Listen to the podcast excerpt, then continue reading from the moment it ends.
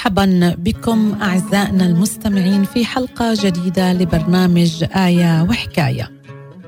اغلب الظن أنك تعيش حياتك العادية دون أن تعطي انتباها كافيا لما يحويه عالمنا من عجائب مع أنها حقا عجائب مدهشة. محيرة للعقل أيضا. فهل تسمح لي ببضعة دقائق لأحدثك عن بعض منها؟ انظر إلى الملح الذي لا تخلو منه مائدة الطعام.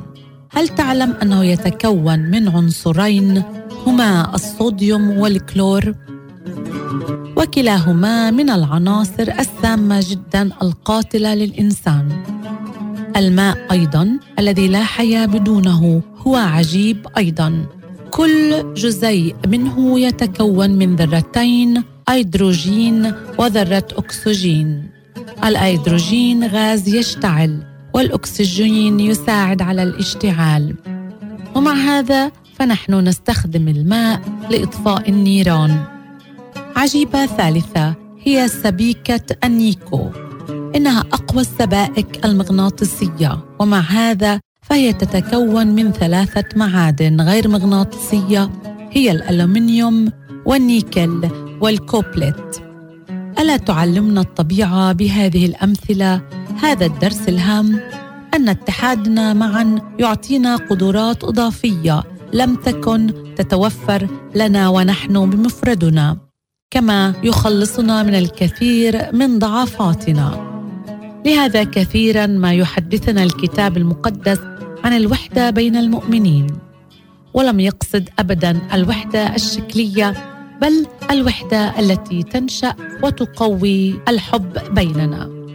فالأسرة المتحدة بالحب لها القدرة على الارتفاع والنجاح ومقاومة ضربات العدو. والمؤمنون المتحدون معا بالحب يصنعون العجائب ويثمرون لمجد الرب.